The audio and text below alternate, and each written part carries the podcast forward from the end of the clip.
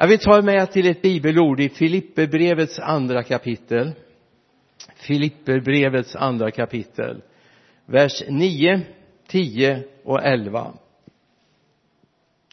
därför har Gud också upphöjt honom över allting och gett honom namnet över alla namn.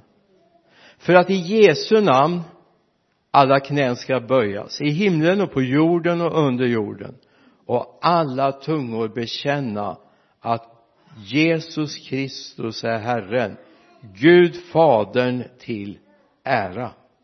Herre, jag ber att det här ska få landa i våra hjärtan den här kvällen.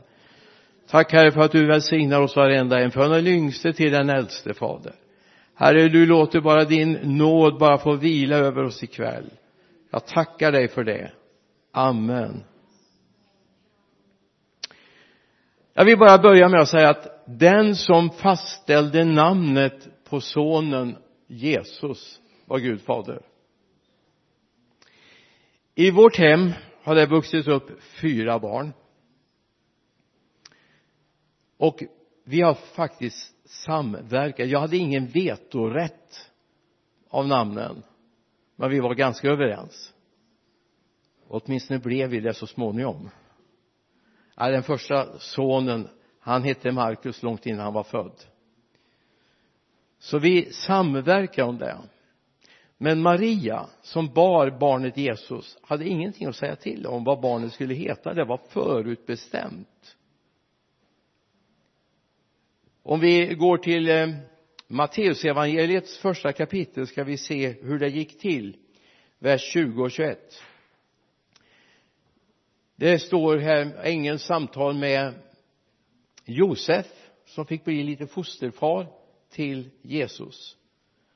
Men när han funderade över detta då visade sig Herrens ängel för honom i en dröm och sa Josef, Davids son var inte rädd för att ta till dig Maria som din hustru för barnet i henne har blivit till genom den heliga ande.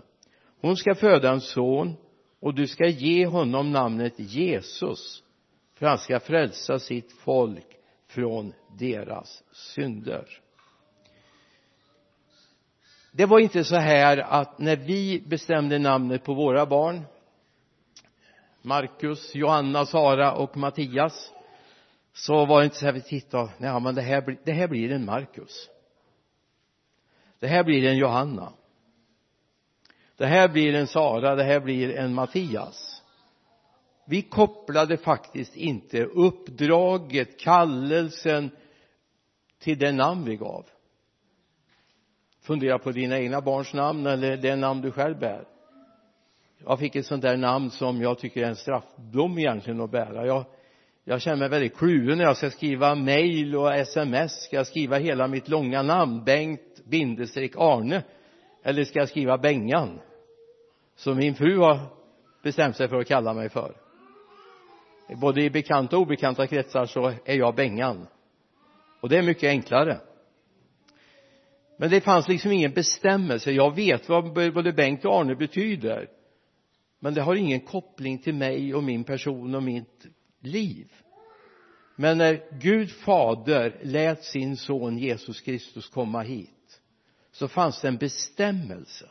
Han skulle vara en Jeshua han skulle vara en frälsare för han ska frälsa sitt folk från deras synder. Det fanns alltså en bestämmelse i namnet. Så det är inte så att Jesus lika gärna kunde heta Petrus eller Kalle eller någonting utan han var Jesus.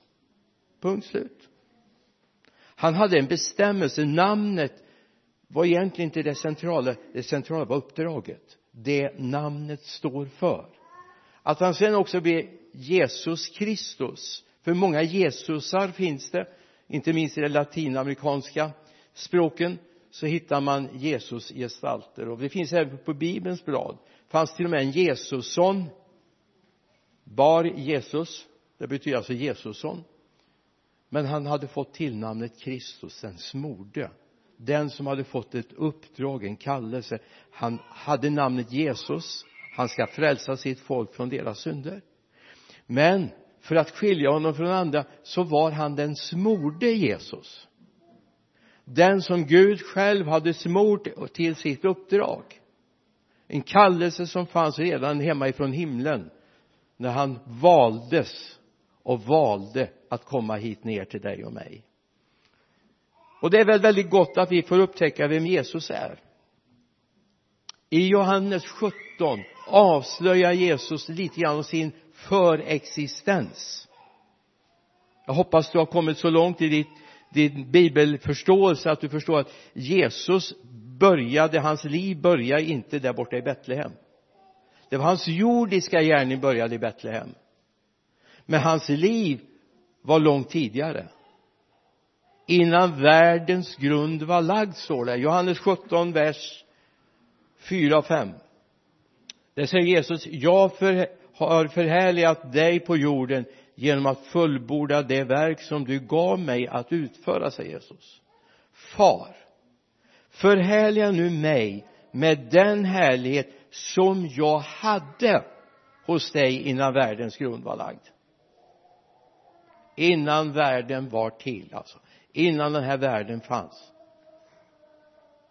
Så hade jag en härlighet hos dig som Jesus tvingades för att kunna födas hit till den här världen klä av sig. Han var tvungen att ta av sig härligheten. Men nu säger han herre när jag kommer hem igen till dig så beklä mig på nytt igen med den härligheten. Så jag får leva tillsammans med dig på det sätt jag levde innan den här världen var till. Så Jesus hade om man ska använda sådant här fint språk en preexistens. En förutbestämmelse. Han fanns förut. Han och far gick hemma i himlen och samtalade om nu ser vi hur synden börjar tränga på i den här världen som jag skapat. Jag ser hur den håller på att dras ner. Jesus nu är det din tur att göra verket att frälsa och frälsningen är inte en räddningsaktion det är en helande aktion. Någonting som gick sönder där borta vid syndafallet när Adam och Eva tog av den förbjudna frukten. Där olydnaden kom in så kom Jesus in för att hela. För att upprätta. Och det är därför ängeln på Guds befallning får säga till Josef du ska ge honom namnet Jesus. Det var inte där det var någon namngivningsceremoni utan det var bara så att ängeln talade om för honom. Det hette han faktiskt innan han kom till jorden. Han hade det namnet redan hemma som Guds son i himlen. Så nu ska du bara ge honom det namn som han faktiskt har. Och det uppdrag som man faktiskt har. Jag har i min nyckelknippa här en nyckel som jag är oerhört rädd om. Alltså den här nyckelknippan lånar jag nästan aldrig ut. Det ska vara till mycket betrodda människor så ni som har fått låna den ni vet att ni är väldigt högt betrodda. För här har jag en huvudnyckel som går till ett antal lägenheter, lokaler och, och affärslägenheter och så vidare i det här huset det här är alltså en viktig nyckel. Nu ska jag säga någonting. Jesus kom till den här världen för att vara hela skapelsens huvudnyckel. Det är han som kan låsa upp det mest tillslutna utrymme. Det är han som kan läka den mest sjuka människa det är Jesus som kan frälsa upprätta och försona därför det var hans uppdrag från Gud fader i himlen. Så att du behöver inte egentligen lära dig något annat namn. Det finns inget annat namn som är viktigt utan det är namnet Jesus. När jag får be med människor till frälsning så ibland är man blyg och man vågar inte be med alltid. Men en sak försöker jag alltid få människor att säga det är namnet Jesus därför att det är en bekännelse till honom som bär hela den här jorden. Alltså det finns ett ord som är oerhört spännande i Kolosserbrevet. Ta med, ta med dig med till Kolosserbrevet första kapitlet vers 15 och 16 och jag skulle vilja säga att har du bibeln med så skulle jag vilja att du slår upp den. Kolosserbrevets första kapitel vers 15 och vers 16 för här finns en hemlighet till att du finns på den här jorden.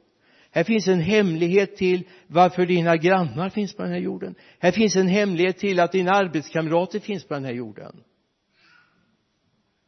Och som varje människa borde fatta och förstå. Det står det om Jesus. Han är den osynlige gudens avbild. Förstfödd före allt skapat.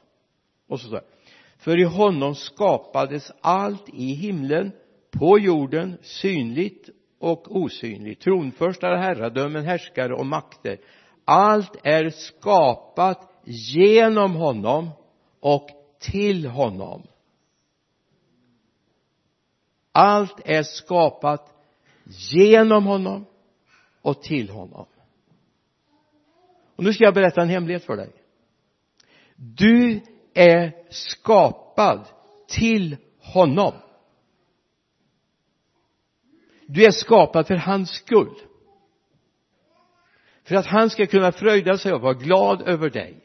Nu vet jag att Gud i himlen inte kan vara glad över alla människor och allt som händer. Men grunden var att Gud ville att han skulle få vara glad över dig. Därför är själva grunden, det är därför du finns på den här jorden. Varje människa som funderar över varför är jag här egentligen? Efter 50 år i själavårdsarbete både genom moderna kommunikationsmedel och öga mot öga så möter jag ofta människor som kommer till kriser och så funderar varför är jag här? Vad är meningen med mitt liv? Och då är det så gott att få säga inte högmodigt utan med ödmjukhet du är här för Jesus skull. Du är här för Jesus skull. Jag mötte en kille för rätt många år sedan nu så nu är det så länge sedan så det är preskriberat så kan jag berätta det.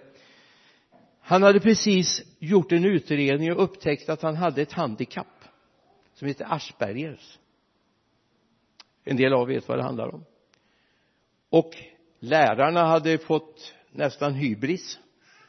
Och man har dragit igång stora nödsignalen för allting. Och själv hade han helt plötsligt upptäckt det är något fel på mig. Det är något fel på mig. Och du vet det är ingen bra identitet att ha. Att vakna varje morgon och säga det är något fel på mig. Och hans föräldrar funderar på är det något fel på honom? Varför har vi fått en som det är fel på? Tills han en dag han mötte en förståndig människa som sa till honom du det är inget fel på dig du är skapad till Guds likhet. Men jag med det här syndromen nu över mitt liv men du är skapad till Guds likhet. Han blev så småningom han lyfte sig från det här. Han blev så småningom busschaufför här i Västra Götaland. Och två år i rad har han faktiskt av passagerarna blivit utsedd som Västra Götalands duktigaste och gladaste busschaufför. Han har fått åkt ner till huvudkontoret i Göteborg och tagit emot utmärkelse två år i rad. Han som hade fått reda på att det är något fel på mig. Idag går han hemma och tar hand om sitt lilla barn. Underbart därför att han var skapad till Guds likhet. Han var skapad genom honom och till honom. Och det här är hälsningen till dig. Han är nyckeln, huvudnyckeln till ditt liv. Han är huvudnyckeln till din framtid. Han älskar dig och han har skapat dig till likhet med honom även om människor tycker och säger att men det är nog fel på mig. Jag, jag har så mycket problem. Jag kommer i djup depression ibland. Jag tackar för det när vi möter det här samhället som ställer så orimliga krav på oss. Vi lever i ett prestationssamhälle. Gud är inte en prestation. Han kräver inte prestation. Han bara kräver att du svarar på den kärleken som står i. Om du går till första Johannesbrevets fjärde kapitel vers 19 det är också en sån där nyckelvers som jag vill skicka med dig. Första Johannesbrevets fjärde kapitel vers 19 det står att vi älskar därför att Gud först har älskat oss. Får jag ställa en fråga? Vem älskade först du eller Gud? Sa ni något? En gång till. Vem älskade först? Amen jag vill bara att du ska höra det. Det var inte så att jag inte uppfattat att ni svarade på det men jag vill att du ska få med det. Du älskar därför att han först har älskat dig. Din kärlek är bara ett svar på hans kärlek. Det är bara en reflex att han älskar dig. Och när du börjar älska honom så känner du bara jag vill gå med honom. Jag vill vara med honom du vet att om två stycken träffas och får tycke för varandra och börjar sällskapa och så känner de så här ja men det är jobbigt att vara ihop. Nej det är jobbigt att vara tillsammans. Då står det ju inte rätt till. Men däremot är det ganska naturligt att se att människor när de börjar få tycke för varandra att de vill avsätta tid med varandra. Mer tid än de egentligen har. Och helt plötsligt hinner de allting och lite till så är det också när vi möter den kärlek som vi har fått av honom han som är huvudnyckeln till allt i ditt liv då vill du ha tid med honom. Då vill du umgås med honom. Då känner du bara att värmen ifrån honom bara rinner till dig. I Johannes evangeliets första kapitel vers 3 bara skicka med en vers till. Jag vill bara mata in Guds ord i dig. Då står det så här. Allt blev till genom honom, alltså Jesus. Och utan Jesus, eller utan honom blev ingenting till av det som är till. Alltså det finns ingenting som har blivit till utom genom honom. Han är ändamålet, han är den som har gjort att allting finns så är det också med ditt liv. Din morgondag. Det du ska möta imorgon. Det har du fått genom honom. Ska vi be tillsammans? Jesus allt vilar i dig Jesus. Och jag tackar dig för din omsorg om varenda människa. Både vi som är samlade här och de som passerat den här kyrkan under tiden vi har haft den här gudstjänsten far så tackar vi dig för din heliga ande som bara berör människor bara talar om att det är du som är centrum i deras liv. Det är inte kunskap, det är inte förstånd utan det är du som är centrum. Och herre vi tackar dig för att du är nyckeln till alla de där oöppnade dörrarna och den där erfarenheten och kunskaperna som vi inte har fått än. Du är nyckeln fader. Herre, det är inte vår brighthet, det är inte vår förmåga, utan Herre, det är du. Och vi litar på dig. Tack Herre, för att du sändes för att vara nyckeln i mitt liv, i våra liv. Från nu och för all framtid. I Jesu namn. Amen.